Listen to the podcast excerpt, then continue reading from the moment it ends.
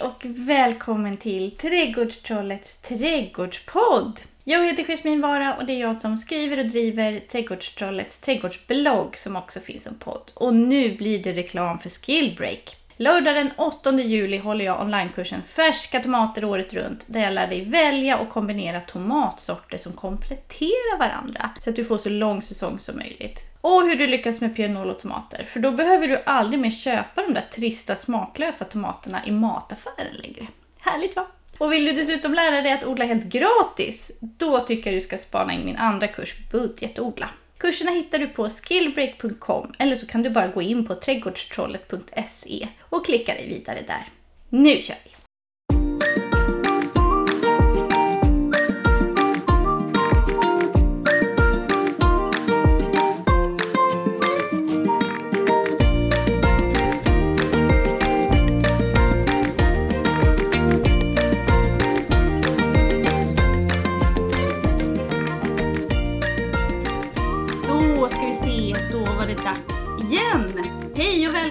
Podden. Jag sitter här på mitt eh, lilla egna kontor den här gången, för studion bara strulade, så nu får jag inviga min, min blommiga tapet här i bakgrunden. Eh, och jag sitter här med ingen mindre än Erik de Wahl. Hej Erik! Hej! Vad ska vi prata om idag? Ja, potatislök om jag förstått saken rätt. Precis, Mm. det är extremt många som är sugna på detta med potatislök så här års. Mm. Oj, oj, oj vad det är många förfrågningar i sociala medier och på min mail. Jag drunknar i förfrågningar. Alla vill ha potatislök, men det är inte riktigt alla som vet vad potatislök är för någonting. Så det tänkte jag att vi skulle prata om idag. Ja. Men eh, det är kanske inte alla som vet vem du är. Om man gillar att läsa böcker om kulturarvsväxter så vet man nog vem du är. Men om man Mm. inte har gjort det, så hur skulle du presentera dig Mm. själv? Ganska många som är intresserade av potatislök vet vem jag är, för jag får också en himla massa förfrågningar den här tiden Mhm. på året om potatislök. Det är jätteintresse, för jag jobbar, jobbar med potatislök bevarande på Nationella genbanken i Alnarp, där vi håller då en samling av de sorter av potatislök som programmet för odlad mångfald samlat in under fröuppropet och sparrisuppropet. Så vi har en, en stor samling här som jag jobbar med som genbankskurator. Mm. Och jag är utbildad trädgårdsingenjör ehm, från början eh, här på SLU också på, i Alnarp och halkade in lite grann på, på att jobba med detta via lök, via en annan lök. Eh, skrev om Norrlandslöken där runt 2015 och sen från 2016 så kom då den här samlingen av potatislök som hade provodlats i Julita av- på Nordiska museet av Elsa-Marie Strese. Den kom ner till Mm. Alnarp där då jag jobbade då med skötsel i fält här och plötsligt så behövdes någon som kunde ta hand om samlingen och ingen här hade erfarenhet av att jobba med köksväxter just så då hamnade lite ansvaret på mig där. Och det är inget litet ansvar om man vet om hur många sorter du har. Nej, berätta om, om några av sorterna? Alltså hur många sorter ungefär? Du kan ju bara säga några Ja. sådana namn. Ja, nej men det är, det är ganska exakt 30 sorter som har bevarande status, kanske 29 eller 31. Jag kommer inte riktigt ihåg för vi har tagit in några fler också. Och där finns ju då välkända lökar som Leksandslöken och eh, Maglasäte som är en sån Mm. lök som fått ganska stor spridning.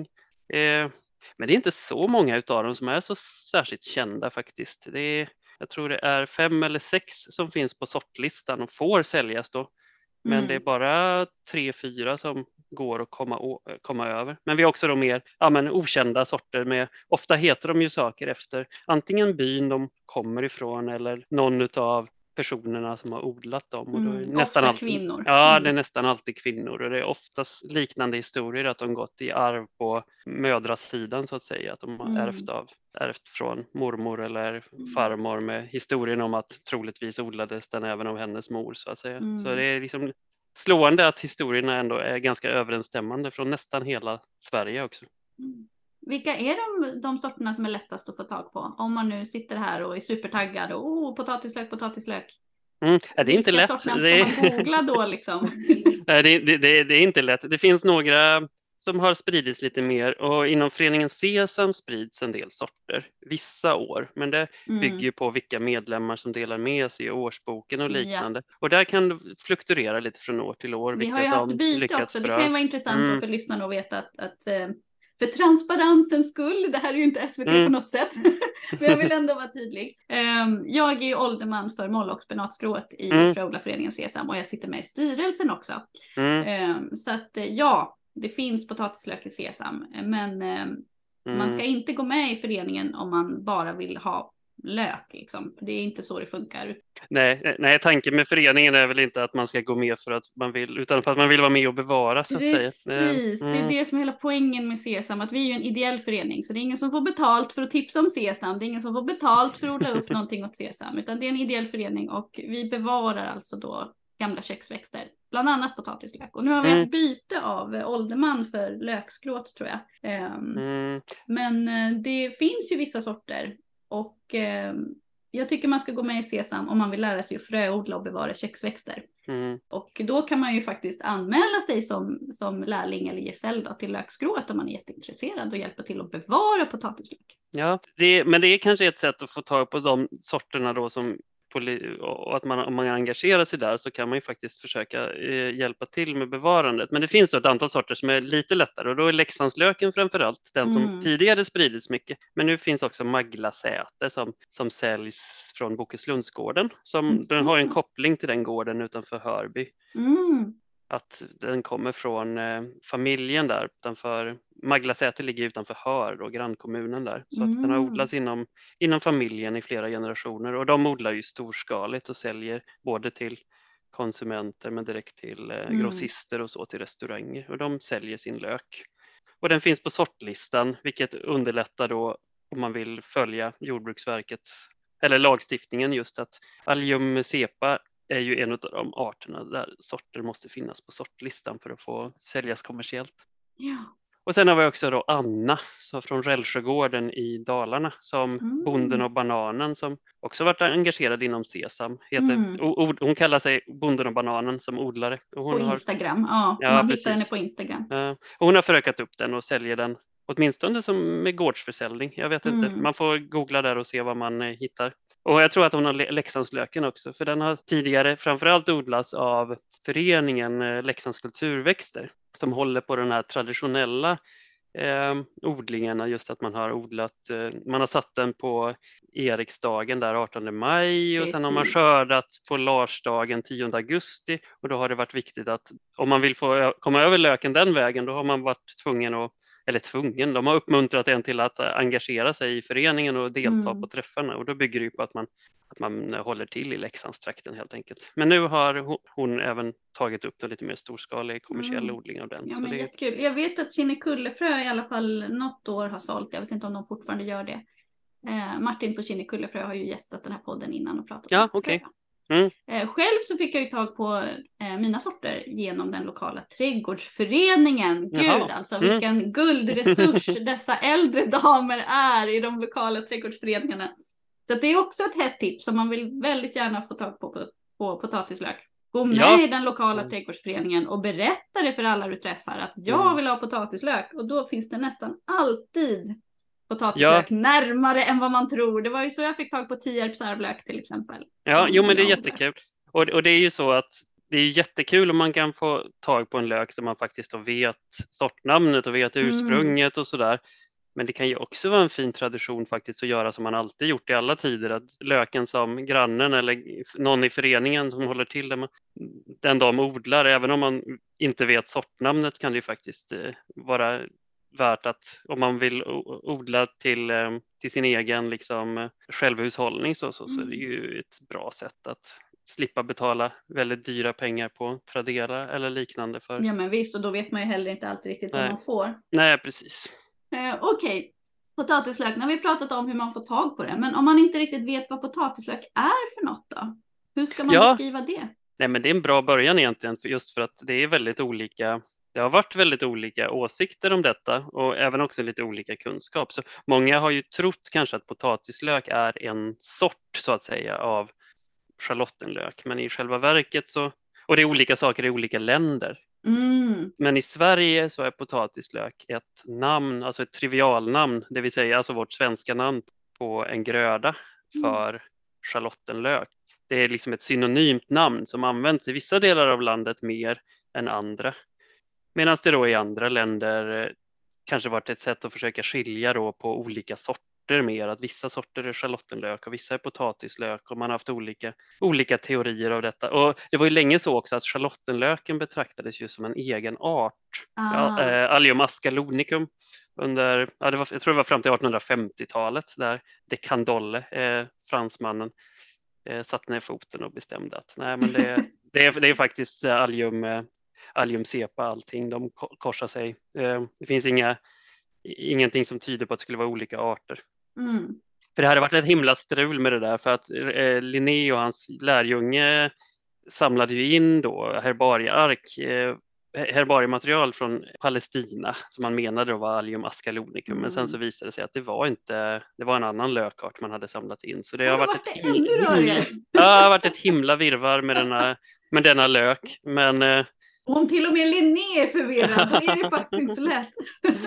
ja, ja visst. Så det, nej, men det, det kan man säga att i, i Sverige så är schalottenlök och potatislök i samma sak, men det gäller inte andra länder. Och Nej. fransmännen skulle säkert inte hålla med.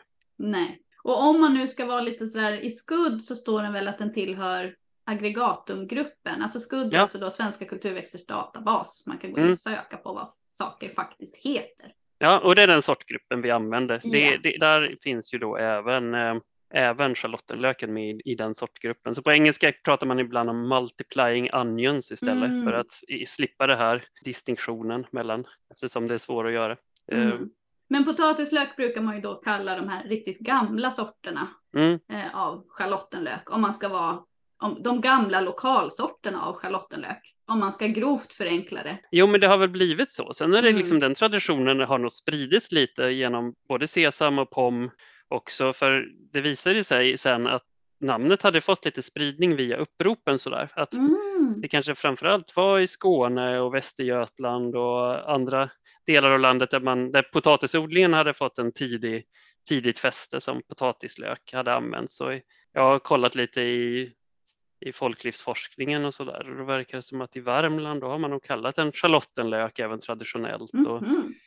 och sen eh, i Dalarna så är ju Leksandslök ofta ett namn man har använt för den lök man odlat. Och Ja, ja, ja. längs Norrlandskusten verkar det här arvelök eller eh, vara någonting som, som dyker upp på lite olika håll Mm. faktiskt. Det är inte bara Tierps arvelök utan det finns Mm. även samlat in på nyligen nu lite lök från eh, Hälsingland och, och Gästrikland också och då, då dyker det upp att den har kallats arvelök också lokalt. Så Medan man i norra Sverige ibland verkar kalla den bara lök. Det var liksom den löken man kände, det var den löken man kände till in, innan man köpte lök i, i, på Mm. Ica. Liksom så. Mm.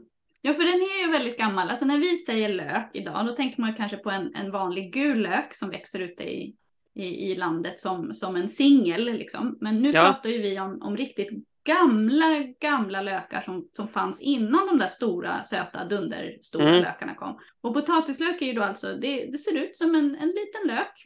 Eh, som man sätter ner i jorden och sen så växer den som ett kluster av lökar. Mm. Den får massa sidolökar, de sitter liksom ihop i basen. Det ser nästan ut som en vitlök man plockar upp sen. Ja, ja, lökarna kan är inte säga. formade som tårtbitar utan de sitter där, de är liksom som runda små lökar som sitter ihop i basen. Mm. Ja, jo, men och de, de här sorterna är lite olika där också. Att vissa faller ju isär väldigt mycket Mm. liksom, och andra kanske sitter lite i hårdare kluster och blir Och liksom vissa så, kan ju då blomma och sätta frö. Eh, och vissa gör det inte. Vissa blir lite större. Vissa blir lite mindre som Malvina. Den här lilla, den är nästan som ett krusberg. Alltså, alltså de är inte jätte, verkligen inte stora. Nej, nej Mal, Mal, Malvina verkar vara lite problematisk för den ska inte vara så himla liten egentligen men den, det Mhm. har eh, Den har degenererat på något vis. Ja, det är lite så med de här lökarna att de har ju samlat på sig lite virus också Ja. antagligen genom åren och vissa sorter verkar mindre vitala än andra. Så vi skulle gärna vilja undersöka lite grann eh, virusbestånden men vi har inte kommit så långt än. Men jag misstänker att det kan vara Vissa sorter ska vara små liksom, Mm. eller mindre i alla fall, medan andra inte beskrivs som att de har varit det och då kan man misstänka att någonting har hänt där. Mm. Eh, Finns det någon sort som är lite större då? Om man inte vill ha sådana där små fjuttisar. Om man vill ha... Ja, det finns ju sort, alltså Rånälvdalen är en sort som, det är den sorten som trognast bildat mycket stor lök under mina år här i Mm. Alnarp i alla fall.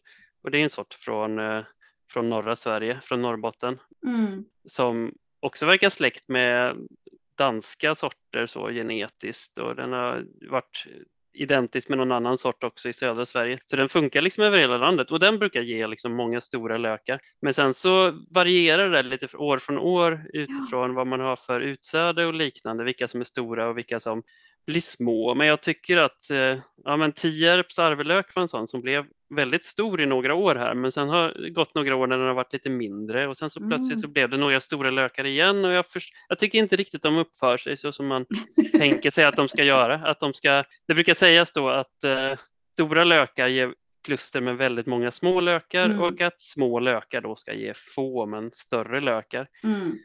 Och det där stämmer ju ibland, men sen så har jag, bör, jag har försökt reda lite i det där och gjort lite så här småskaliga försök och försökt följa en lök eh, över flera år för att se om den här stora löken då från ett litet kluster, kommer den ge många små lökar nästa år? Mm. Och ja, det gör den ju ofta. De stora lökarna ger stora kluster med väldigt många små lökar. Men däremot de här små lökarna när man sätter dem, då tar det liksom mer än ett år för att komma tillbaka till de här Ah, stora lökarna. Så tre eller fyra år i alla fall tror Oj. jag man får vänta om man ska liksom komma upp i den storleken igen. För det kan ju också vara bra att veta att de här potatislökarna, även när vi pratar om stora potatislökar, Mm. de är ju inte lika stora som en vanlig gul lök. Liksom. Nej, och Det det de har liksom inte varit för att eh, det är lite därför de också kan kan säga blivit först lite blivit omoderna och sen försvunnit ur, ur folks eh, eller ur, ur sortimenten just för att de Mm. hade svårt att konkurrera med de här stora fina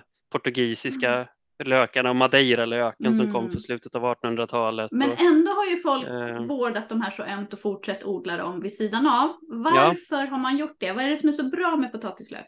Varför Jag gillar tror- folk potatislök? Ja, men jag tror inte att, jag, jag tänker att de här stora fina sorterna som spreds på slutet av 1800-talet, att det var ju inte självklart att alla kom över det. Det är Mm. inte alla som har haft råd och tid och budget för att sitta och beställa fina nya fröer från frökatalogen utan man Mm. har tagit tillvara en del av en äldre odlingstradition att man litar till det man har och man gör inga onödiga förändringar när man vet att det funkar som det gör. Liksom. Mm. Och de, har- de har varit funktionella, lätta att lagra. Man har, precis som potatis, har man själv då kunnat lita till sina egna krafter för att spara en del av utsädet till Mm. nästa år. Och, Och lättodlad. Alltså, det är Mm. sällan man liksom misslyckas med potatislök tycker jag. ja, ja, alltså det där tycker jag är lite krångligt för det märker jag ju som får en del förfrågningar att ganska många misslyckas faktiskt för att det här vad som är Mhm. lättodlat det har nog förändrats genom åren. jag tror att, det, att de är lättodlade jämfört med att odla lök från frö. Liksom. Mm. Ja, det kan ju vara lite absolut. komplicerat. Men de är inte jättemycket enklare. Att, det, det är liksom inte, det är inte som att odla pepparrot eller rabarber, att man Mm. liksom kan sätta dem i ett skuggigt hörn av Mm. trädgården och glömma bort det, liksom, utan det är intensivt. Man måste ogräsrensa, man måste Mm. förbereda, man måste ta hand om Mm. skörden, man måste se Men till du att de som nu är liksom invintrar. Mm. potatislöksmästare, jag, tycker, jag tänker vi kan gå igenom det där lite grann. Vad är, Mm. vad är bästa läget och sättet att odla potatislök då på? Soligt ska det vara. Ja, jo men absolut. Det tror jag är ett misstag en del gör, att man tänker att lättodlat, ja men då, då behöver man liksom inte kanske ta den bästa platsen i trädgården. Men soligt ska det absolut vara. Och det är, en- men det är en ganska kort kultur, så det är, det är ju 10 till 12 veckor den ska vara i jorden. Mm. Vad är det? 18 maj Ja. på Eriksdagen ska den ner Ja. traditionellt. Ja, och jo, men ska precis. den. Nej, men traditionellt så pratar man ju om Larsdagen då i augusti, 10 augusti är det va? Ja. Och det är väl eh, någonting man verkligen kan ta som ett riktmärke, men eh, man får ju, vi är ett avlångt land och jag kan säga att jag tycker personligen då, så som jag odlar i, på jobbet helt enkelt när vi håller 30 sorter, då tycker jag att jag har hittat att jag utnyttjar gärna de här väldigt torra, varma veckorna som vi ofta har i juli till att se till att löken då avmognar. För den vill ha väldigt varmt och torrt precis innan skörd. Mm. Och det passar bättre med slutet av juli än, än liksom slutet av augusti. Så jag brukar tidigare lägga där lite grann ibland för att hinna skörden så. Så jag har ofta skördat klart innan Larsdagen. Utan, Mm. Men så då det- befinner du dig i mm. Skåne.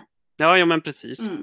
Men eh, det är också det där, man vill, man vill att det ska vara gott om markfukt när man planterar och första veckorna och så vill man gärna att det torkar upp och man kan, de kan få soltorka sen när man ska skörda. Men det, Mm. det, man kan ju inte bestämma över vädret, men det är Nej. ett bra riktmärke. Och så just det här också att man ska försöka hålla det ganska ogräsfritt just för att de har ganska ytliga rotsystem de här smålökarna. Mm, de ska hinner- inte ner så djupt inte. Nej, det ska de inte. Det, är- ja, men, Det tror jag är ett vanligt misstag. Mm. Folk sätter dem för djupt.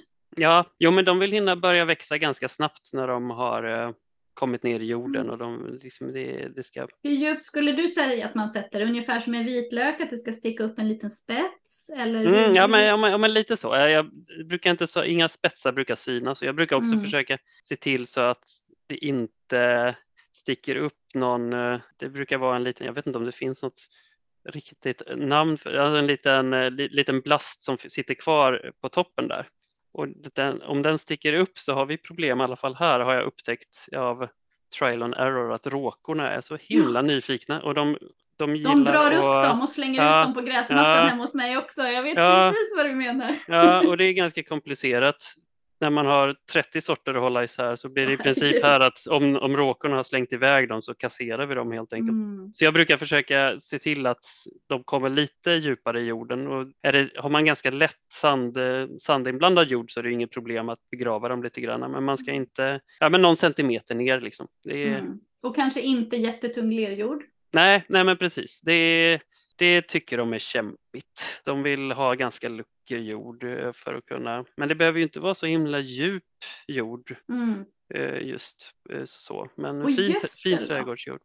Ja, alltså man ska inte, man ska vara lite försiktig med kvävegivorna framför allt med lök. Det gäller ju all, eller gäller kanske inte all lök, salladslök och sånt man odlar, det kan man, när, man, när det är bladen man vill åt så är det bra med kväve. Då kan man eftersom- bräka på. Kväve Ja, gödslar ju ja. bladmassa som jag alltid brukar lyfta fram. Kväve Ja. gödslar bladmassa, grovt förenklat. Men när det gäller den här löken som ska invintra bra och vara bra i lager, då har man upptäckt att stora kvävegivor är dålig för lagringsbarheten och försämrar avmognaden då i slutet av växtperioden. Så ja, men hålla tillbaka lite på kvävegivorna och det, all lök är mykorrhizabildande så att man eh, kan eh, tänka lite på det också. Så där. Man behöver inga gigantiska fosforgivor egentligen heller då, utan det, det liksom handlar om att eh, Nej, men en, eh, en, en måttlig gödsel. Alltså jag har haft bra resultat både med, med hönsgödsel, pelleterad hönsgödsel och, och algomin och eh, benmjöl och gödslat med året innan. Jag har testat Mm. lite olika och det,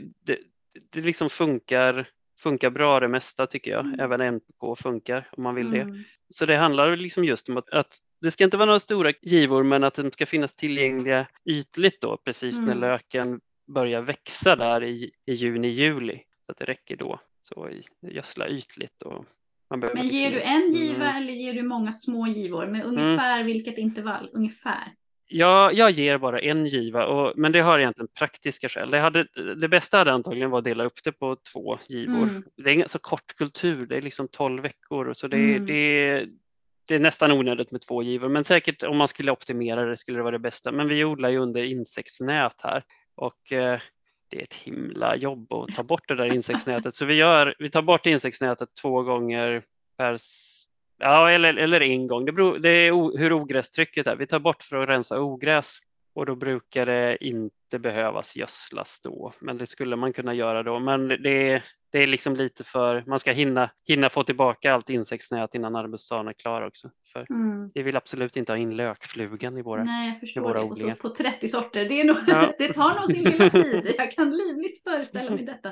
Mm, Men okej, inte för mycket kväve och det behövdes Mm. inga jättemängder med fosfor. Och då betyder det att då har vi ju kvar ett makronäringsämne här som ju alla vet att jag brukar tjata om och det är ju kalium. mm, och gödsel då som innehåller hyfsat bra med kalium. Det är ju till exempel Mm. då algomins höstgödning. Det är det som Mm. jag brukar ge mm, till mina potatislökar och det funkar jättebra. Ja. Och det har ju att göra då med att jag vill att de ska invintra bra. mm, Eller avmogna eller vad man nu väljer att kalla det för. Med andra ord, jag vill att de ska kunna lagra bra och länge. Det är mitt syfte. mm. För där tror jag att det är jättemånga som misslyckas. Att man brukar ju säga att potatislök är lite lättare att lagra än annan. Ja, ja, men precis. Det är, det är ju det man ofta hör liksom. Så Så Och hur därför ska de man måste ha då bevarats. verkligen göra för att lyckas? Vad, hur lagrar ni era lökar när ni har skördat dem? Du sa att de soltorkar. Och sen, hur länge soltorkar de ungefär? Någon vecka sådär brukar jag, alltså man, det beror lite på odlingssäsongen också. Ibland har man ju otur med, eller tur med mycket regn. Men för lökens del så är det ju bra om det har varit ganska torrt sista veckorna. Men har det varit blött så tar det lite längre tid att torka. Men jag brukar, det brukar väl ta någon vecka sådär och sen så rensar jag ju bort all blast och eh, lite lökskal sådär innan Mhm, vi Så du låter in. inte blasten torka in av sig själv, utan du tar av den? Du knipsar av jo den jag, nej, men jag låter den torka in och sen Mm. så, så tar jag bort den innan och den sen åker in i knipsar lager. av den när den har torkat? Ja. Ja, och sen kan man säga de här lökarna, de har ju liksom då klarat av att lagras i folks eh, ja, men boendemiljöer ofta, liksom i decennier utan Mm. problem. Men det betyder inte att det, att det är det bästa för löken. Det, Nej, precis. Och då får Nej. man också komma ihåg att förr i tiden hade folk det inte lika varmt i sina hus som vi har Nej. det nu. nej, nej, men precis. Men man kan säga så här att, to, att det torrt är viktigare än att, att det är kallt, helt Mm. klart så. Och så potatiskällare är ett dåligt alternativ i min erfarenhet. Det är egentligen alldeles för fuktigt. Eh, Mm. Så det handlar om att hitta en liten torrare plats helt enkelt och, och lagra dem på. Vi har, vi har ju kylrum då, men som egentligen är kanske lite för, både lite för fuktigt och lite för varmt. Men eh, det är bättre ändå än att ha det i, i, i källaren liksom så. Men torrt och, torrt och Mm. mörkt, typ Mm. eh, 18, mellan 18 och 20 plus, vad tror du? Funkar det? Ja, jag skulle Eller vill du Ja, ner till 15? Ja, ja, men det hade inte varit dumt med 15, men jag tycker att det funkar också i rumstemperatur. Det är min erfarenhet av, av de, de sorter. Alla är inte lika lätta att lagra helt enkelt kan man se också, så, men de Mhm. sorter som är enkla att lagra, de, de funkar det bra med. Vilka upplever du är lite lättare att lagra dem? Vi har någon, någon nybörjare här nu som väldigt gärna vill lyckas och vill ha en lite extra Nej, nej, snäll tycker- potatislökssort ja. att köra. Nej, men alla de sorterna jag har sagt hittills tycker jag är enkla. Det är vissa problem problembarn. Eller man ska vi har vissa sorter som, som ständigt, vi har en fin skörd men sen så när man plockar ut dem på våren så är det ganska knapert med lökar. Vilka är det då? Om vi ska säga vilka vi ska undvika istället. Nej men mandis är ju en sån sak jag, som jag, Mandis. Mm. en, en sort som jag verkligen tycker om för den skiljer sig ganska, den får alltid jätte, vi får mycket stora lökar och den är Mm. liksom skiljer sig från alla andra för att den har lite tunnare skal och lite så här rosa skimrande lökar som Mm. vi har inte gjort så mycket smaktest och så, men jag kan tänka mig att den, den säkert skiljer sig lite så också. Lite mer så här silverlökskänsla på, på lökarna. Mm. Men den gör mig alltid besviken på våren när vi ska plocka ut den. Så det är alltid Nej. väldigt många av de här lökarna som har eh, ruttnat bort. Ah. Det finns alltid bra med tillräckligt med lök. Vi, vi har ju plats att sätta ungefär 30 av varje sort. Mm. Och det finns alltid 30 bra lökar för, och så får man stor skörd nästa år. Men det, Men då vet man, då kan man dra på lite extra med mandis så man har lite extra svinn att ta av i sådana fall. Man Ja. tänker så. Ja, ja men precis. Sen har vi nog Mm. andra sorter som kanske har lite, jag misstänker att det kan finnas virusproblematik som gör att de, de helt enkelt har lite sämre vitalitet och då Mm. klarar de vinterlagringen lite sämre också. Så, du nämnde Malvina där, det är ju ett Mm. exempel som vi kämpar lite grann med. Vi kommer liksom aldrig riktigt upp i, i volymer, tillräckliga volymer av den utan vi har så att vi klarar bevarandet men eh, inte mer liksom. Mm. Har du provat att sätta potatislök på hösten någon gång? Ja, jo, men jag har gjort ganska mycket försök med det, för det är något som verkligen triggade min, eh, mitt intresse för potatislöken kom mycket utifrån att jag började läsa äldre odlingsbeskrivningar där det ofta i, under 1700-talet i Sverige och även lite senare så tipsar man och det var ofta det odlingsanvisningen som gavs att man kunde sätta dem på hösten och eh, det var också en viss sammanblandning med det man kallar johannislök då Mm. som min teori är att det kanske kan ha avsett både gräslök och piplök och lite, det finns en annan hybrid från eh, som odlas mycket i Kroatien och Nederländerna som heter johannislök. Men frågan är om de här Mm. lökarna fanns i Sverige eller om det bara var avskrifter från andra trädgårdsböcker. Ja, det är inte lätt att veta. Nej, men så jag testade faktiskt med, våra, med ett antal sorter. Jag testade fyra sorter och gjorde ett odlingsförsök. Där jag satte dem på hösten och på våren och jämförde. Jag och Matti Leino Mm. som också varit aktiv i Sesam Mm. eh, gjorde varsitt, eh, varsin upprepning i Roslagen och Skåne. Och, Minns du vilka fyra sorter? Ja, det var Leksand, Leksandslöken, Råneldalen och så var det väl eh, Natalia och eh, Maglasäte. Mm. Och hur gick det då? Ja, nej, men man kan säga att alla, alla gick alldeles utmärkt att höstså och eller höstsätta och det blev. Och då provade ni i Skåne och?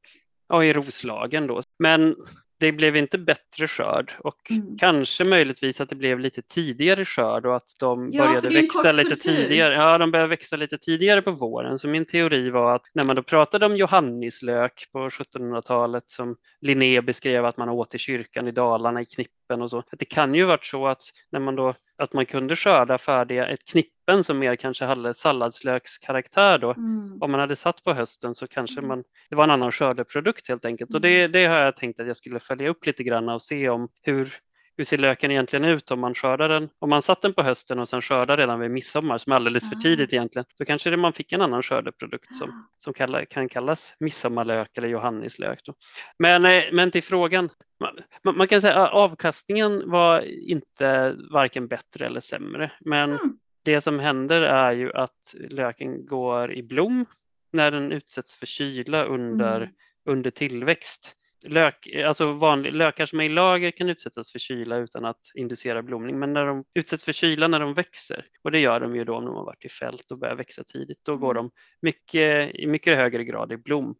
Och vad innebär det? Alltså egentligen inget jag tänker, betyder det att lökarna mm. smakar sämre eller att de lagrar Nej, sämre eller att de blir mindre? Det, det, är, ja, men det undersökte vi egentligen inte. Eh, men det är ju sån gammal sanning ofta att blomning då skulle ske på bekostnad av vegetativ tillväxt. Men, men, det gick inte att se riktigt faktiskt i de här resultaten för det var faktiskt de, de lökarna som var störst och hade bäst procentuell avkastning. Det var också de som i större grad hade blommat så det fanns liksom inget, inget som tydde på att de sto, stora lökar med liksom eh, goda närings, eh, lagringsresurser då av näringsämnen, de verkade också vara mer benägna att gå i blom sen. Om de, okay. så att, och också då gav också högre skörd. Så det, det, var liksom inte självklart att det var så himla negativt men eh, det blir ju det är en sak som händer om man höstsår, men det största argumentet mot att höstså som jag kan se det, det finns ju argument för också såklart att man har jättemycket att göra på våren alltid ja. om man är odlare så att det kan ja. vara skönt att redan ha satt sin lök. Precis. Men det största, största problemet är ju just att det blir ehm, det är en väldigt mycket längre period som löken är utsatt för för sork och mm, kaniner och rådjur och fåglar och mm. knäpparlarver som hittar sig fram och det finns ju liksom så att jag upplevde att det blev en lite större, ett större svinn på den höstsatta löken mm. av den mm. anledningen att det är liksom eftersom det inte fanns några jätteklara fördelar så tänker jag att det är en lite dumt risktagande om man mm. vill, eh, om man är rädd om sorterna och vill vara säker. Men absolut, det det är fullt möjligt att göra det och höstså om man har ett kan man säga, odlingssystem eller en, en, en växtföljd där det passar att liksom mm. göra så, så. Så absolut. Täckte ni med någonting? För jag tänker de sitter ju inte jättedjupt de här lökarna. Täckte ni med halm eller någonting inför vintern? Eller? Nej, det gjorde vi inte. För tanken var just att vi ville testa om de var, om de var härdiga så att säga under normala vinterförhållanden. Mm. Så eh, vi ville inte göra det.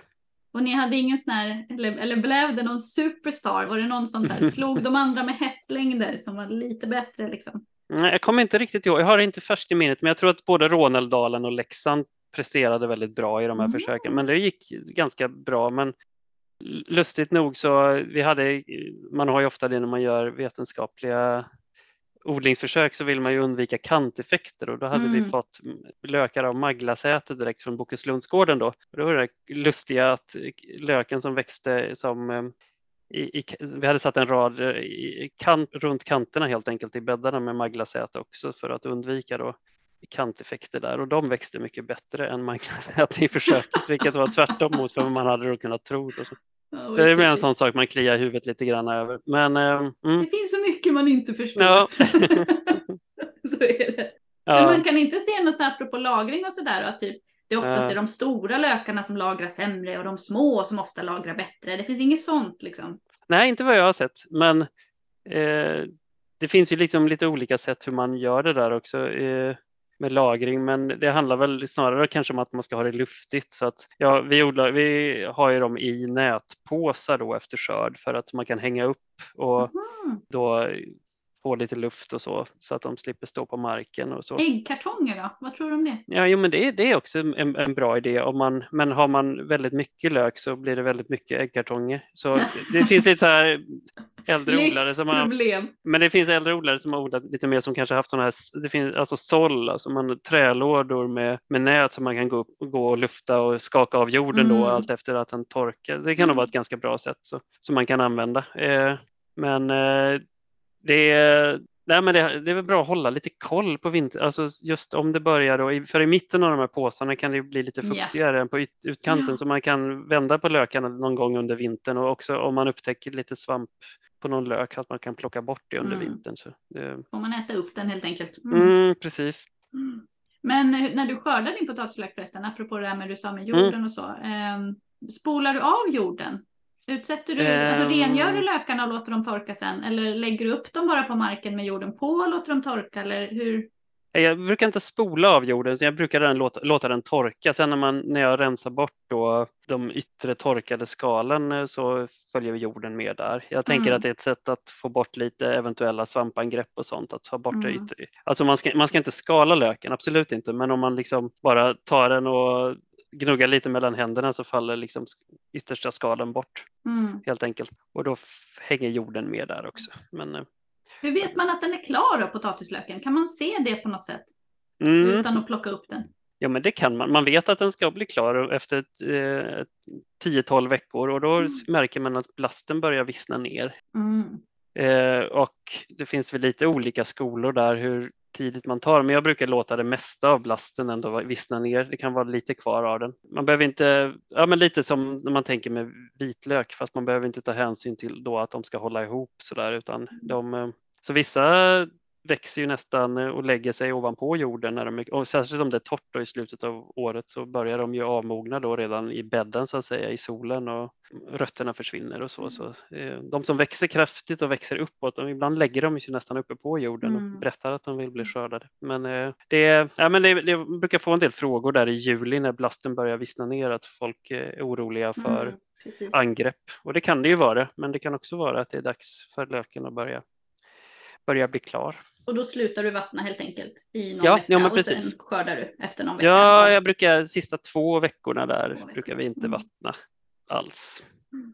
Vad kan jag samodla potatislök med då? Nu är det ju trendigt mm. där med mm. potager och blommor och mm. grejer. Eller föredrar du någon annan typ potatis eller någonting? Vad, vad äh, blir bäst? Uh, jag, jag, en bra fråga som jag inte riktigt tänkt så mycket på eftersom jag odlar eh, väldigt här, raka rader och avstånd mellan sorterna och så. Men, men det är klart att det är en jätte, eftersom det är en sån kort kultur så är det jättebra att försöka, alltså bra gröda att få in i i en, köksväxtträdgård. Mm. Jag kan tänka mig personligen att typ röd sallad, alltså det är också en kort. Ja, ja men jag tänkte faktiskt, det var det, i själv hemma så satte jag löken nu bredvid eh, en div eh, en divsallad, eh, mm. rosensallad, just för att den brukar inte, jag brukar inte bli så stor hos mig i alla fall. Jag brukar skörda bladen kontinuerligt liksom mm. för, under sommaren, så den, den har liksom inte konkurrerar liksom inte så mycket varken om ljus eller, eller näring så där. Så mm. liksom olika sallader tänker jag är perfekt, men kanske undvika sånt då som skuggar för mycket och sånt som eh, också har väldigt eh, kraftiga rotsystem sådär. Men jag vet mm. inte, jag, jag, har inte experimenterat så mycket med det. Det, mm. det är ju det, att det ska ju gärna vara ogräsfritt så det ska ju vara ja. bra med något som tillåter att man kan rensa enkelt. Nu sa du angrepp och vi börjar prata lite kort om så sjukdomar mm. och sådär. Vad ska man spana efter då? Om man är lite nojig, mm. vad är det man ska spana, spana efter mm. sjukdomsmässigt? Jag tror att lökbladmögel är säkert en det absolut vanligaste och det tror jag man känner igen ganska enkelt att det blir lite grå beläggningar sådär. Och det är ingen Vissa, I normalfallet tycker inte jag det är någon jättefara för skörden. Det är klart att det blir lite nedsatt skörd så man, man behöver liksom inte bli livrädd. Men däremot lökflugan är ju sån angrepp som verkligen kan ödelägga en hel, en hel skörd om man inte är snabb på det. Och det, mm. då får man vara liksom lite, man får lite hökögon där och se att om någon särskild blast, något stånd där plötsligt bara vissnar ner medan de andra fortsätter växa, då plockar jag upp den och kollar och då kan man ofta se att det är larver som börjat äta mm. och då gäller det att försöka försöka rädda resten så. Mm. Med, Och då, vad gör man med, Mm. med det man har plockat upp? Lägger man det i komposten? Nej, nej, nej precis, det ska Då lägger man det i- destrueras. Eh, brännbart. Ja, ja men precis och eh, det är ju ett aber det där för lökflugan har varit ett problem i Alnarp i över hundra år. Så läser Oj. man, läser man eh, årsböckerna från 1920-talet så är det vissa år där lökflugan har ödelagt hela. De hade ju potatislök här redan då som man hade samlat in på Mm. landsbygden. Och vissa år så var skörden helt, helt eh, tillintetgjord av fluga och eh, bladmögel. Så det är, det är lite så här, vi kan känna viss samhörighet över decennierna så där. Man kan se de här årsböckerna, det är samma kamp fortfarande. Men nej, men de, eh, de, de ska man destruera och sen så tycker jag att jag tycker att jag har haft resultat med att vattna ut nematoder. Det finns ett antal nematoder som är godkända för, för eh, lök, ja, fluglarver, kolfluga, morotsfluga tror jag Mm. finns med där också. Mm. Och, men också lite, det är också så att det kan komma sekundära angrepp av knäpparlarver har vi upptäckt. Och jag vet Mm. inte om de här nematoderna Ja, går på det också. Nej, ja, men däremot så verkar det som att eh, jag tycker man verkar kunna få stopp på lökflugan. Mm. Kan inte detta exakt, man får höra av sig till eh, de som är bra på, på växtskyddsprodukter sådär. Mm. Det är inte alltid kan jag länka till i blogginlägget. Ni Ja. vet ni som lyssnar, ni får det ju serverat där. Ni vet ju det. In där och kika sen. Ja, men jag, bruk, jag brukar vattna ut i förebyggande syfte just för att vi är så himla. Det har varit något år när vi har haft stora angrepp och eh, nästan blivit av med sorter och det, den, eh, det magknipet vill jag undvika så jag vattnar ut nematoder i förebyggande syfte innan jag lägger på insektsnätet sen. Och insektsnätet då för våran del det är ju för att hålla borta då den flygande generationen av lökflugan som kommer där någon gång i, i mitten av juni här i Skåne, kanske Mm. tidigare till och med. Och Mm.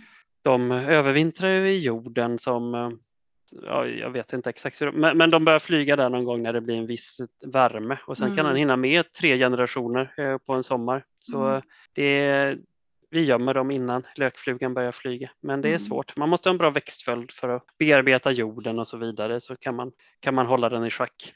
Vad har ni för växtföljd eh, på genbanken med potatislök? Jag försöker hålla tre eller fyraårig växtföljd, men det är svårt för vi, Nationella genbanken, vi är ju ett fältarkiv kan man säga, medan Nordgen har ju fröerna. Mm. Så vi har ju nästan bara fleråriga kulturer med viss modifikation där. Så vi har Mm. lite svårt att hitta, hitta utrymme för att ha, alltså Jordbruksverket rekommenderar nog en sexårig växtföljd för lök egentligen och det hade ju varit optimalt men vi har man får försöka, vi, vi försöker byta ut jord och tillföra mycket kompost på de bäddar vi har Mm. och försöker när vi har haft stora angrepp så har vi hoppat över, försökt hitta ny, ny, ny plats eh, något år sådär och försökt utvid, utvidga det. Men eh, det är krångligt. Vi, eh, vi har dahlior som är med där i växtföljden. Det är också en ettårig kultur och tulpaner. Vad kör ni först?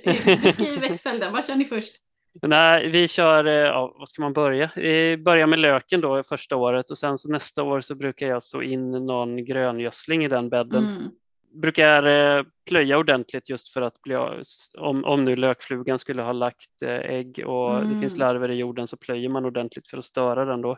Mm. Och sen så sår vi in någon gröngödsel och kanske tillför kompost också. Eller så Mm. gör vi då det nästa år då om dahliorna kommer in där kanske. Då vill vi gärna ha luckor, fin kompost för att kunna gräva. Vi har ju ett 50-tal dahlior. Vi ska jättestora klumpar som ska ner ganska Oh, djupt. Som ni också ska bevara. No Ja. Ja. Och då vill man gärna att det ska vara lättgrävt kan jag säga. Det är inte kul att gräva i tung lerjord. Så då brukar vi tillföra kompost och sen så står dahliorna där ett år eller ibland kanske två år om eh, det har varit så att det har varit svårt att, att hitta ett annan. Det är lite så, man blir lite när man har fått till en bra bädd med bra kompost, då, då är man ganska, det är ganska skönt att kunna gräva ner dem där igen nästa år också. Eh, även om det är klart är bättre med en växtföljd även för dahliorna. Så vi försöker rotera även dem och sen så kanske så in någon mellangröda igen och sen så när vi innan man återkommer med, med löken då så ser man till att göra en eh, falsk såbädd på våren.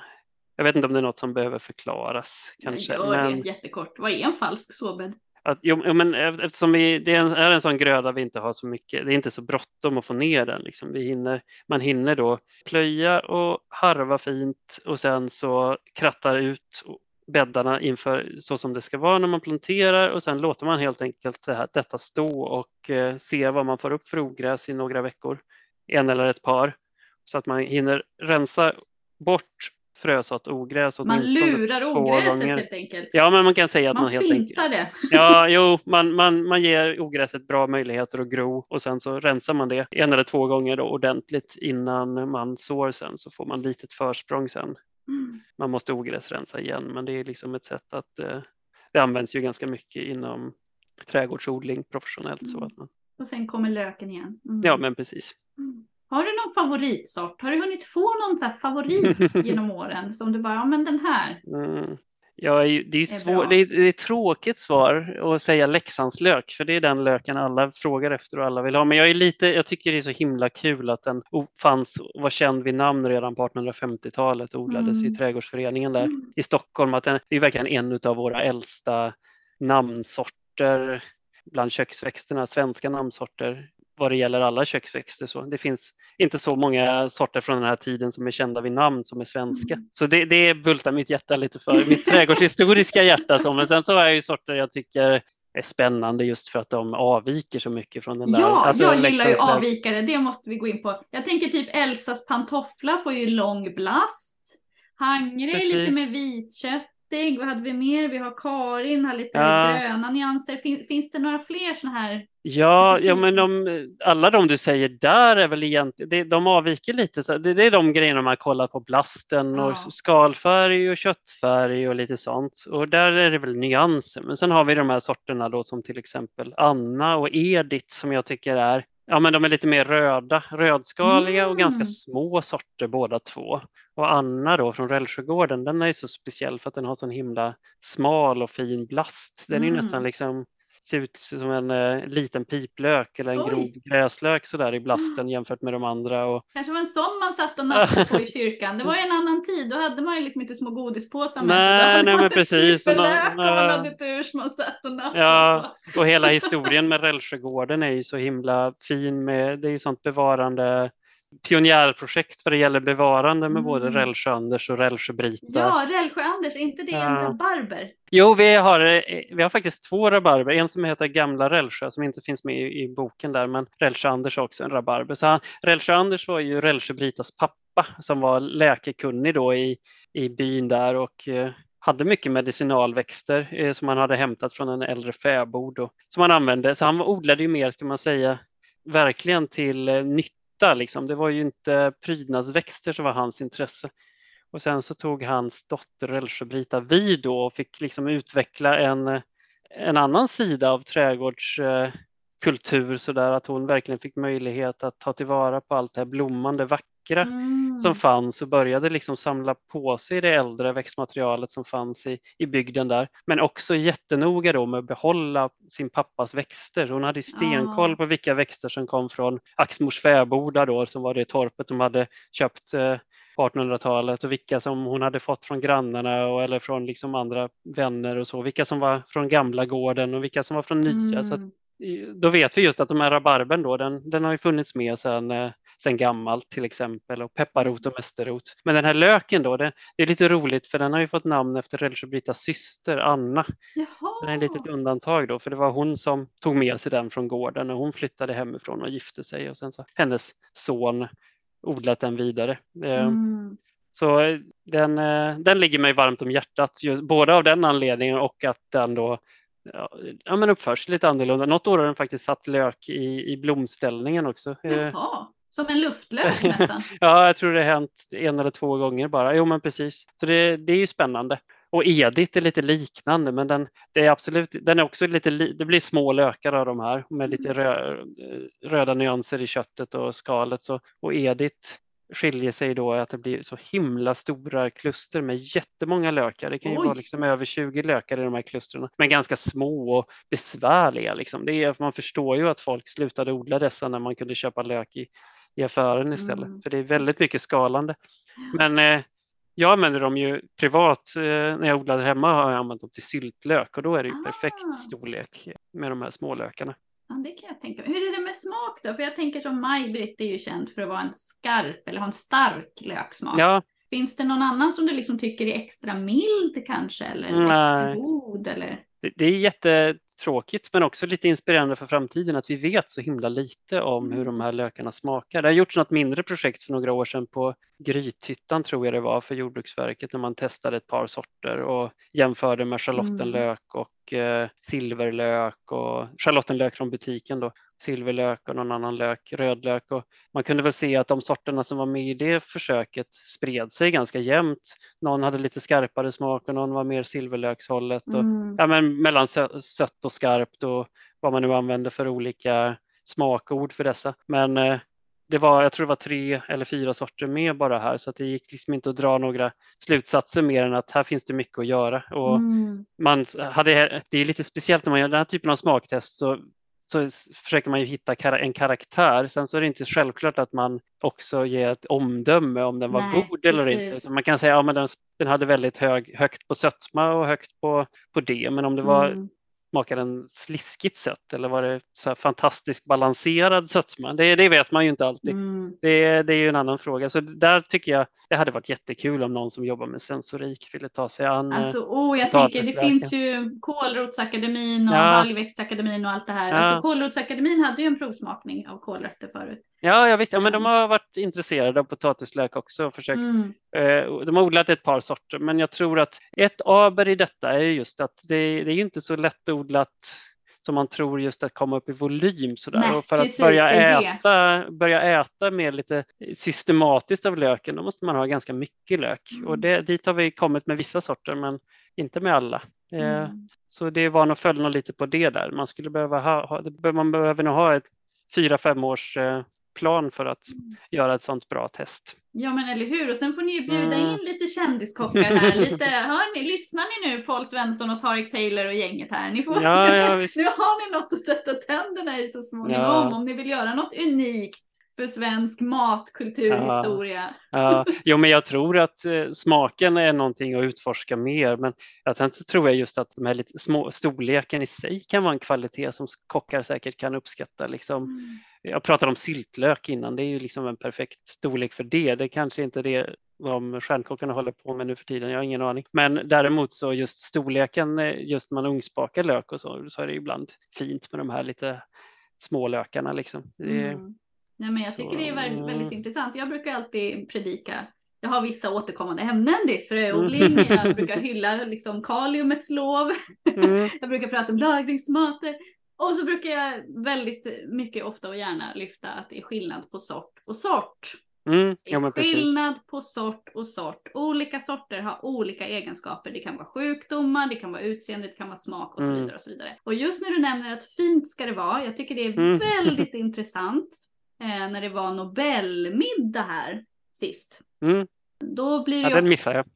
Ja, jag vet inte om du missade så mycket. Jag satt ju där och blev väldigt lycklig över att det var tomat med. Ja, Och eh, kontaktade då eh, den här kocken som var ansvarig och frågade vilken sorts tomat de hade använt och fick inget svar. Jag frågade också vilka andra sorter liksom av de här grönsakerna de hade använt. Mm. Inget svar. Jättetråkigt. Och det skulle jag önska att kockarna blev bättre på att lyfta. Vilka namnsorter. Att det är en tomat Mm. fattar jag. Jag fattar att det är Mm. en tomat. Men vilken tomat är det? mm. Däremot hon som gjorde desserten kunde faktiskt berätta vilket plommon det var. Så guldstjärna säger jag där. Ja. För det tycker jag att om man är en Ja. riktigt, riktigt duktig kock, då är det här intressant. Ja, nej men en eloge till dig som, som, eh, som frågar, för det tycker jag fler borde göra. Jag br- brukar vara lite besvärlig ibland på restaurangen, men sen så har jag slutat med det, för att det blir alltid...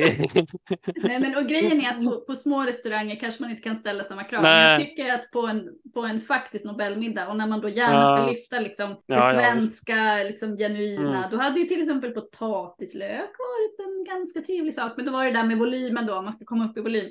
Men Ja. du förstår vad jag menar, att man vill lyfta Ja, men absolut. som är ty- typiskt svenskt. Liksom. Ja. Ja, men jag har varit lite kluven kring detta, för många har ju just tänkt då att potatislök är en sort i sig, och det, det blir ju lite fel just eftersom de, man, det, det är liksom inte en och samma sort. Nej. och potatislök i sig har nog fått viss spridning sådär, men sen att man skulle säga just att det var Leksandslöken eller att det var Maglasäte mm. eller Råneldalen. Dit har vi nog en bit kvar så, men det hade varit, mm. hade varit jättespännande. Dels det att den faktiskt ökar liksom kunskaper generellt om sorter av av alla möjliga köksväxter är, är ju jätteviktigt. Men sen hade jag rent personligen tyckt att det var jättespännande att få reda på mer också om hur de faktiskt smakar. För mm. det är inte alltid man tänker på det med lök. Man använder det i olika eh, maträtter sådär och det drunknar lite grann. Det blir, på någon, det blir som någon slags stomme i maträtterna ja. ofta så att det finns mer löken där men man kanske inte tänker på. Det blir lite en lök som lök kanske ibland. Mm. Jag brukar ofta ha potatislök i um potatissallad faktiskt. Mm. Och då brukar jag först, eh, först kör jag, man, man, kan om man vill, om man vill. om man vill, fint ska det vara. Om man vill så kan man ju karamellisera den och sådär. Det brukar inte jag göra. Jag brukar steka mm. den väldigt så här, jättekort bara mm. för att den ska liksom komma mer till sin rätt. Mm. Eh, och en del brukar ju blanda i då brynt smör i den här potatissalladen efteråt har jag hört och det brukar tydligen vara mm. väldigt gott också. Mm. Men eh, jag vet inte hur åt man den förr? Den har ju odlats ända sedan typ vikingatiden. Det är ju jättelänge. Vet man någonting om du som har suttit och läst de här gamla böckerna, hur man har ätit den förr, förutom när man satt och nafsade på sitt knippe i kyrkan liksom? Mm. Man kan säga så här, nej vi vet inte något om vikingatiden och det är också väldigt mycket spekulationer om vilken lök man odlade men det kan vara liksom en rimlig gissning kan man säga mm. men inte mycket mer än så. Att att det varit ett sätt att, man kan säga schalottenlöken har ju fått och potatislöken har ju haft en spridning i de delar av världen där, man, där det har varit liksom för, antingen för varmt eller för kallt för att hinna odla frö fröförökad lök och mm. då passar ju Skandinavien ganska väl in där. Så det är väl en så väl grundad gissning att den har odlats länge eh, och funnits länge och, och så vidare. Men det jag upptäckt lite grann när man gått igenom folklivsforskningen och så, det är ju att lök traktades mycket som en krydda ah. kanske mer än en ah. grönsak. Att just eh, både gul och röd lök. Det, ibland, alltså i, de här, i den forskningen, så, en folklig, folkligt namnbruk, då har man ju kallat allt för lök bara ofta. Ja, precis. Medan då man började, mm. ja, sen har man liksom på svenska då så har man historiskt kallat all lök för rödlök, vilket jag inte riktigt förstår varför. Det, skulle gärna motta teorier om varför det. Jag har lite funderingar själv, men att det skulle vara då att man skilde vitlöken från rödlöken. Ah, ja, ja. För på andra, i andra språk så heter ju vitlök inte white onion utan garlic eller andra mm. varianter sådär. Och att, men i skandinaviska språken då så var det vitlök och då blev det motsvarigheten till den var den röda löken. Då tänker jag att de trädgårdsboksförfattarna och örtaboksförfattarna innan de tänkte. Men ja, det är bara väldigt lösa teorier. Men den här löken då i alla fall som man klumpat ihop som lök eller rödlök, där potatislök också varit med, den var då en krydda i mycket blodmat och liknande. När man gjorde när man då tog hand om blodet från slakten så gjorde man ju ofta mm. blodkorv och olika typer av anrättningar som jag inte är så familjär med. Jag är vegetarian själv så jag har hållit, mig, långt bort. heller, jag vet inte. Alltså. Nej, Vissa recept nej, men precis. har väl ändå förpassats till historien av en ja, anledning. Ja, ja, men det är väldigt tydligt att lök finns med väldigt, väldigt ofta i de här recepten. Och det här var ju ett sätt, en del av en liksom självhushållning där man tog tillvara på allt mm. och i slakten då också. Och då, då tänker jag att potatislöken säkert hängde med där också som krydda.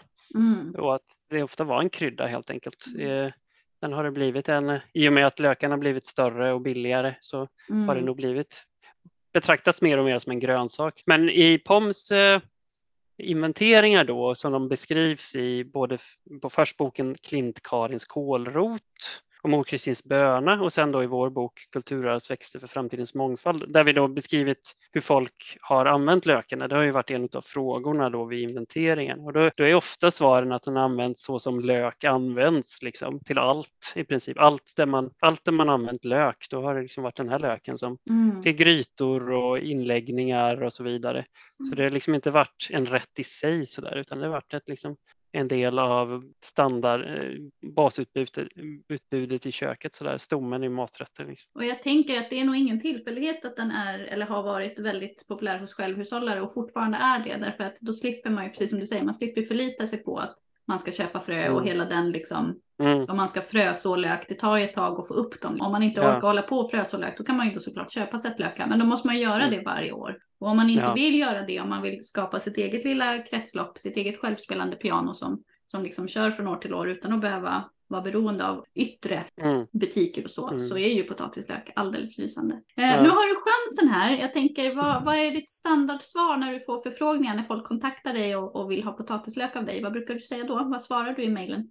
Jag brukar, jag brukar hänvisa till de här som faktiskt odlar kommersiellt nu. Maglasäte ut- eh, som finns på Bokeslundsgården utanför Hörby och Anna och Leksand som finns hos, eh, hos Bonden och Bananen i Dalarna utanför Falun tror jag hon håller till. Och sen så brukar jag säga det att det finns ett par odlare som har tagit sig an och försöka få upp volymerna på fler sorter men att ja, vi får ha tålamod helt enkelt. Men är det specifika särskilda sorter man är ute efter, då brukar vi ibland kunna ha ett litet överskott vissa år som vi kan Mm. dela med oss av. Men då handlar det om väldigt få lökar så det är liksom, Mm. då får man eh, ha lite tålamod innan man får upp volymerna där. Så Mm.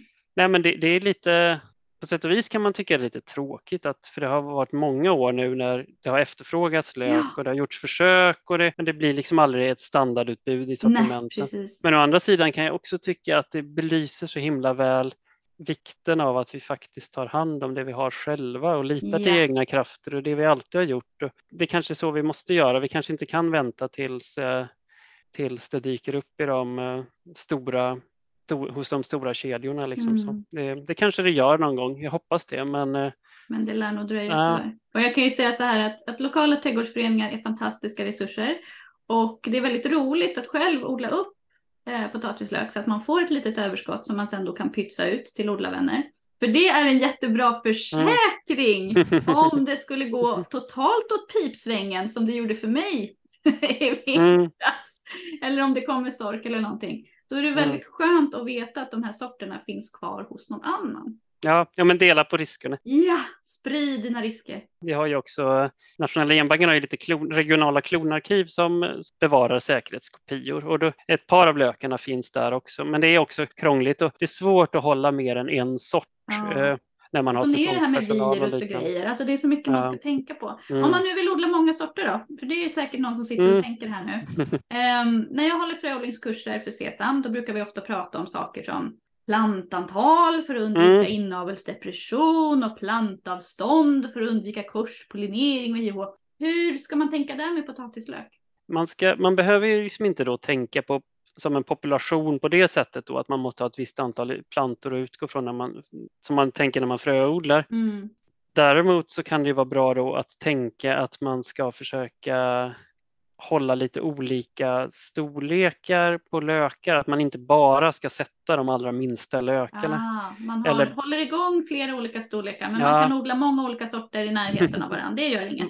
Nej, man behöver inte komplicera det hur mycket som helst, även om det är lockande att göra det kanske för att veta mer. Men eh, ibland så läser man ju då att ja, men man sätter de små lökarna och äter de stora. Och så kan man ju göra, men man kan också tänka, jag har tänkt som så att man, jag sätter de halvstora lökarna, medelstora lökarna plus några riktigt stora, några av de största. För av Mm. några av de största får jag, lite, får jag mycket smålök av nästa år och de medelstora kommer nog, förhoppningsvis några av dem kommer bli riktigt stora nästa år och några av dem kanske behöver ett, en generation till då för att bli riktigt Mm. stora. Det vet jag inte. Men det, det är liksom ingen hundraprocentig vetenskap. Men jag brukar tänka så. Medelstora och ett fåtal stora sätter jag. Och så undviker jag de riktigt minsta av den anledningen att jag tänker att de, eh, det kan finnas virus, anledningar till att de är små som inte har Mm. med genetik att göra utan angrepp eller virus eller liknande. Så då Mm. tänker jag att det är ett sätt att rensa bort den typen av eh, ackumulerade mutationer som är dåliga eller, eh, eller virusangrepp eller liknande. Det är ingen hundraprocentig eh, sätt heller, men det är i alla fall mitt sätt att tänka kring bevarandet där. Som Mm. Jag tänker att inom, inom till exempel föreningen Sesam eller om man bevarar en sort så kan man tänka så också. Men odlar man för självhushållning och konsumtion då, då kanske man är mer benägen att äta äta alla de medelstora lökarna och bara sätta små. Men då kanske man får vänta några år innan man får Mm. riktigt stora lökar igen. Men du tänker lite olika storlekar där för att sprida sina risker Mm, helt enkelt. ja, men precis. Ja. Nej men det är väl jättebra. Nu har vi pratat ganska länge om potatislök här. Är Ja. det någon fråga som du tycker jag har missat som du vill prata mer om?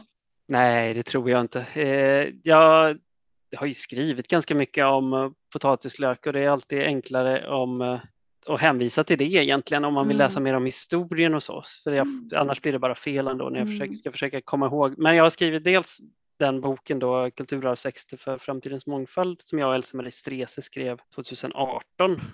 Kom ut exakt fem år sedan faktiskt nu. Mm. Eh, på Går dagen, den fortfarande att få tag på i eh, Ja, ja, men den kan, ja, men den kan man köpa på lite olika ställen Mm. och via oss. eh, För Klint-Karin är väl svårare att få tag på som jag förstår Ja, ja, och den, men det är nog kanske på gång en ny upplaga av den det. också. kommer så- väl en uppföljning också som jag förstått Ja, ja men det. precis. Ja, men det, är- det är en uppföljning som kommer och där kommer nog löken vara, för löken fanns ju med redan där fast den är vegetativt förökad, men det lyfte vi ju in då sen i sparrisuppropet och samlade in lite mer, så den kommer nog inte finnas med i den nya upplagan där, löken.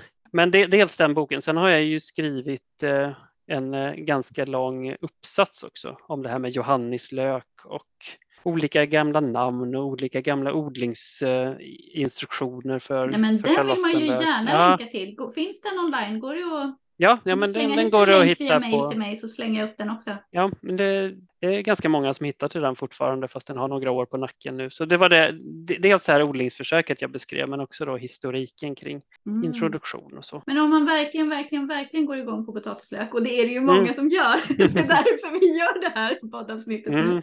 Finns det något mer man kan liksom tipsa om förutom potatislök? Jag till exempel själv är ju enormt förtjust i eh, luftlök. Ja, Alltså Allium ex proliferum. ja precis. Ehm, och det är ju som en, också, det är som en perenn lök som man stoppar ner och som kommer upp. Ja, det ser men den är rolig. gräslök på anabol ungefär och sen har den Mm. ett litet eh, minikluster av topplökar som, som den förökar sig själv genom att när topplökarna där i, i luften är mogna så sänker de sig ner mot marken och så börjar de växa bredvid. Liksom. Jättetacksam och roligt att odla och lätt att dela med sig av liksom, Jo, men, till eh, andra. Ja, men jättekul och eh, väl luftlök, framförallt kul kanske, än eh, produktiv. Men den har en rolig liten gemensam historia med just potatislöken. För när Jaha. potatislöken började spridas i Frankrike först, tidigt 1800-tal, då, då fick den faktiskt namnet egyptisk potatislök. Och det, och det fick, hade luftlöken också, så man tänkte att det här var två olika sorter av en, någon slags egyptisk lök. Då. Eh, helt felaktigt antagligen, för det här var precis tiderna när egyptomanin då var som störst Ah, i Europa. ja, såklart. det var ju allt, allt, trendigt. Liksom. Ja, allt egyptiskt var jättespännande. Så man har visat sen att ja, men, varken luftlöken eller, eller potatislöken var särskilt egyptisk. Eh, antagligen, men det var det namnet den spreds med. Och egyp, egyptisk luftlök är något som lever vidare ganska länge i Sverige sen. Att man, den hade det namnet. Det lät väl spännande och att den är Mm. rolig att den vandrar. Men den dömdes ut av trädgårdsföreningen på 1850-talet. Att Nej, Daniel Müller där som var den! Daniel Müller var den starke mannen där. Han, Nej, han Daniel! provade, ja, han provade odlade luftlök och tyckte att den smakade förfärligt jämfört med andra lökar. Sen så dyker den inte upp i litteraturen. Det tar nästan, jag tror det tar 30-40 år innan den dyker upp i, i litteraturen igen sen. Så han hade ett starkt inflytande. Det var det alltså, Ja, alltså ved, nej, förfärligt Ja, var väl ändå att ta i. Alltså det, det är ingen gourmetlök Nej. kan man inte anklaga den för att vara, men den är otroligt pålitlig och väldigt Nej, jag kommer inte ihåg exakt, ut eh, med. jag kommer inte ihåg exakt hur han uttryckte sig, men det var ändå ett, ett starkt omdöme som han säkert, eh, säkert fick visst gensvar där. De testar ju ganska mycket olika lökar. Daniel skäms på dig. Var det någonting Ja. han tyckte var bra då som du borde odla istället? Kommer du ihåg?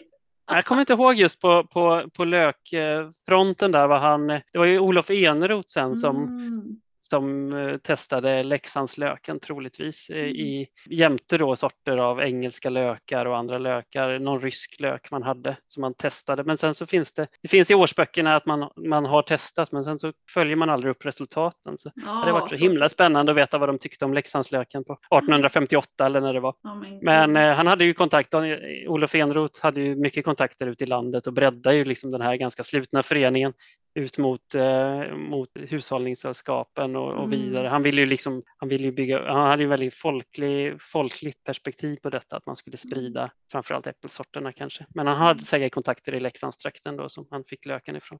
Men eh, om det finns annat än potatis, det var det du frågade om det. Ja, jag tänker om det finns något som man liksom, ja men som jag till exempel tycker luftlök är Mm. kul. Vad finns det mer man Mm. kan tänka sig? Babingtonlök eller piplök? Eller finns det något mer som Mm. liksom är om man vill busa till det? Om man, om man har tröttnat på de här vanliga sättlökarna nu hos Mm. de här stora tråkkedjorna. Vad ska man dra till med? piplök är ju roligt, eh, tycker jag. Och, och bra liksom just för att den eh, ja, men produktiv eh, alternativ till gräslök sådär, som man eh, kan använda på lite andra sätt. Nej, men jag, jag gillar, jag använder mycket piplök hemma själv. Mm. Men eh, däremot så en lök jag brinner lite extra för, det är ju Norrlandslöken. Men den är ju, den är ju absolut ingenting som kommer bli något väldigt produktivt tillskott i en köksträdgård mm. utan det är mer en raritet sådär som man, mm. som man eh, odlat eh, både för bladen men också för att den är väldigt vacker. Så den Hur skulle du beskriva den om man, om man inte vet vad Norrlandslök är? Kan du beskriva? Det är en, eh, en, eh, en steril hybrid i kantlöksklustret brukar vi säga. Så det är, det är, flera olika arter som kallas kantlök på svenska för att de har kantig eh, blomskälk. Så det är ah. bredbladig kantlök och sibirisk kantlök och sen har vi en inhemsk art också som är väldigt eh, hotad sådär. Men eh, den växer ju Lite lik kinesisk gräslök eh, mm. kan den förväxlas med ibland fast den har kinesisk gräslök har ju då vita blommor. Mm. är den perenn, Norrlandslöken? Ja, ja, men det är den. Och den, men den sätter inga fröer då för att den är en steril hybrid mm. så att den har inget, inget pollen, eh, pollenknappar. Så den behöver, så den behöver delas. Men eh, troligtvis en, en, eh, en hybrid mellan eh, algemnutans och eh, angulosum som är rysslök. Och i Ryssland då är det här en, men då frö, frösår man ju sin algemnutans ah. och skördar det som bladgrönsak och då blir det ju väldigt mycket mer ekonomiskt så att säga om man kan fröså. Ja. Och man behöver inte vara rädd om växterna. För Norrlandslöken får man vara lite rädd om. Mm. Det går liksom inte att dela. Nej, den där sorken vill man inte få in till sin Nej. Norrlandslök. Det är fasken. Nej, men det är jättekul för det är en, jag skrev ju, det var så jag kom in på det här med gamla växter och bevarande. Det var via just Norrlandslöken. Och det var ju nästan, ja det är 2015 nu och nu några år senare så ja, sju, åtta år senare så har en odlare nu äntligen fått upp volymerna så att kan börja sälja eventuellt. Så det kommer kanske bli ett tillskott i grönt kulturarv oh, sortimentet nu eh, framöver.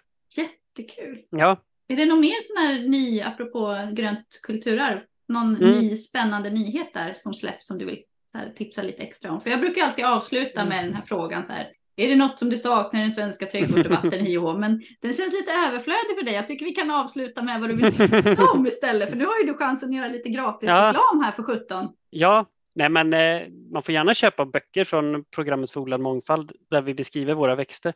Och vår köksbok finns ju där och den, eh, den, den tror jag fortfarande kan vara spännande för det är mycket historik också kring våra kulturarvsväxter. Mm. Sådär. Men eh, grönt kulturarv som du frågade om, det är varumärke, vi, det fyller tio år, så lanserades först 2013. Så det, Oj. det är lite det vi fokuserat på i år, att lyfta fram hela sortimentet i sin helhet. Så det, det kommer tipsas på vår Instagram-sida nu så kommer lite olika kollegor och, och författare och så lyfta fram sina favoritsorter under hela sommaren. Mm. Så då kan man läsa lite mer om eh, eller få en, liksom, en liten inblick i sortimentet så, som har några år på nacken nu. Men på köksväxtsidan så, så händer det ju, det är ju lite så att det är ingen som, SLU äger varumärket men, inte, men alla som odlar då sorter som finns i genbank får använda varumärket. Så vi äger, vi har liksom inte alltid full koll på vilka sorter som kommer Även om vi försöker presentera nyheter varje år, men på köksväxtsidan har det hänt väldigt mycket nu med de mm, lite mindre kul. fröfirmorna. Som, det är en del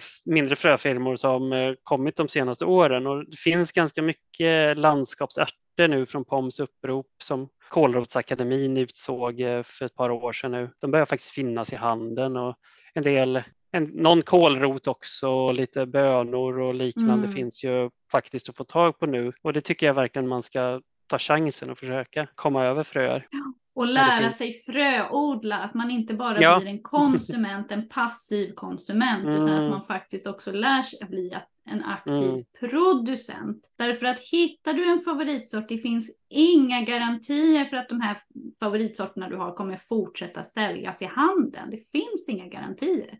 Så vill Nej. du vara säker på att du verkligen har utsäde till dina favoriter, lär dig fröodla, fröodla dem och så sprider mm. du dina risker genom att mm. pytsa ut dina älsklingar hos odlarkompisar du känner.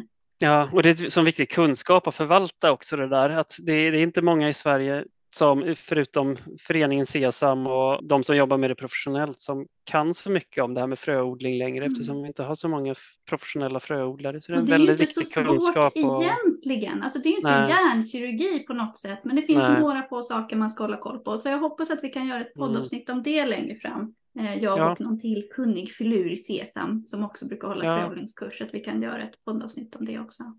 För det ja. skulle jag verkligen önska att det blir något av en folkrörelse.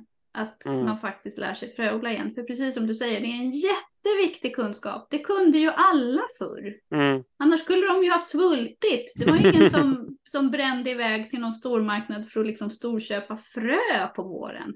Det Nej. sparade man av sitt utsäde från året innan. Ja, ja nej, men det, det känner jag är viktigt att poängtera också faktiskt. Att odlandet i sig är, som den kunskapen är lika viktig som sorterna. Så. Och, och kunskapen om sorterna är också viktigt för utan, utan den så är det svårt att veta vad vi ska ha våra gamla sorter till. Så. Ja, för det är många som, som tycker att det här med gamla sorter, så här, ja det har kommit nya sorter och jättebra F1-hybrider och bla bla bla. Gamla sorter, att, att, att folk liksom Mm. tror att det är någonting vi odlar av nostalgiska skäl. Jag blir Mm. riktigt förbannad faktiskt. Ehm, Mm.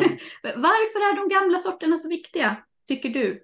Va- Varför ska vi inte bara köra på de nya super ultra hybridsorterna? Varför ska vi bevara de gamla Mm. sorterna överhuvudtaget? Ja, men det är väl tvådelat. Dels kan man säga för framtiden att det genetiska och sen det liksom kan man säga det praktiska och det kulturhistoriska. Och på genetiksidan där så har man väl det just att i de här gamla landsorterna, om vi nu inte pratar lök längre utan generellt så har vi Mm. ju då en, eh, ja, men en genetisk bredd som faktiskt är den kvaliteten man ser i landsorter. Som, de är anpassningsbara och det är viktigt för framtida växtförädling. Mm. Det är ingen växtförädlare som vill vara utan, utan de gamla landsorterna. Så det är Nej. vik- viktigt av den anledningen. Mm. Vi kan helt enkelt inte ta fram nya sorter Ja. utan gamla sorter. Nej, och Mm. växtförädlingen har liksom inte Sverige är så liten och Norden är så en liten nisch så det liksom Mm. finns inte så mycket växtförädling just på, för våra förhållanden och då kan Mm. ju faktiskt de här gamla sorterna vara väldigt viktiga i en framtid. Oavsett om man håller växtförädling eller inte, i sin egen rätt så att säga kan de vara väldigt viktiga. Även om de då kanske har egenskaper som eller inte har egenskaper som vissa nyare sorter har när det gäller skörde, skördemängd och liknande Mm. så kan de ju ha andra egenskaper. Men sen har vi liksom då hela den här kulturhistoriska aspekten att många av de här gamla sorterna hänger ju ihop med äldre odlingssystem. Och, alltså ska vi, ska vi kunna od, samodla bönor och gråärtor eller gråärtor och, och korn och liknande, då måste vi ha dem för att se hur man gjorde förr, liksom, för att gestalta äldre miljöer. Då måste vi ha kvar sorterna. Annars, Ja. Det går ju liksom inte att göra med moderna sorter. Då, då kommer vi aldrig förstå, oss på historien om vi inte har kvar det biologiska arvet från den tiden Mm. så att säga. Och sen får man ju också komma Ja. ihåg mycket också att många av de här gamla sorterna som liksom avfärdas Mm. i stor kommersiell Mm. odling, de är ju väldigt sällan skulle jag säga undermåliga på något sätt, men de är, Mm. de är inte anpassade efter storjordbrukets maskiner. Och de här Nej. stora liksom maskinerna, ja, men som till exempel då att så här, vetet ska ha en viss längd, det får inte vara för långt liksom strået eller något sånt där. Mm. Eller som med spenat, att fröna ska inte vara kantiga för att fastna med såmaskinen, de ska vara släta. Alltså det där spelar Mm. ingen roll för oss som är hobbyodlare, vi har ju inga jättemaskiner ändå. Nej, nej, nej men precis och det, det är ju enhetligheten är ju viktig ofta. Att, det blir, att man har en väldigt förbestämd skördeprodukt sådär. Ja, Och, och det är och också allting ska mogna viktigt. Ja, samtidigt så man ska kunna skörda allt samtidigt. Men vi som hobbyodlare, vi vill ju ändå inte skörda allt samtidigt. Mm. Vi vill ha lite i taget, för vi äter lite i taget. mm. Så det kanske till och med är så att de här gamla sorterna ofta passar oss bättre. ja men absolut. Sen så ska man vara liksom man får vara realistisk och inse också att det finns vissa sorter som byts ut av en anledning. Ja, För att, ja men krusbärssidan är ju en sån klassisk grej. Att väldigt många, mjöldagg, mjöldagg, Ja, mjöldagg. ja men precis. Och, och det finns, men det betyder ju inte att vi kan bara att vi ska kasta vårt arv, för det kan ju ändå vara så att man vill kunna, kunna veta liksom hur, hur krusbären smakade på 1800-talet också, eh, Mm. oavsett om, om de blir sjuka eller inte. Sen kanske inte den man ska rekommendera för en ovan odlare som, Nej, som vill köpa sin förs- första krusbärsbuske. Mm, Då kanske nej, man ska visst. gå Mm. på någon modern sort. Men, men det, det, är, det är liksom den där extra kryddan som gör, Ja. ger liksom trädgården ett, ett historiskt djup eller vad man ska Mm. säga och en historisk kontinuitet. Det, är- det är klart vi måste värdesätta det. Liksom. Ja men gud, historiens vingslag i min mun brukar jag säga. Ja, men det ger ju ett mervärde, precis som du säger, som är svårt att sätta ord på faktiskt. Mm, jo, men, men som är otroligt, otroligt värdefullt. Ja, tusen tack Erik de Waal för att du ville vara med och prata potatislök med mig. Vad glad jag blir. Det här är ett sånt här avsnitt, ett poddavsnitt som jag skulle önska att någon annan hade gjort för länge sedan.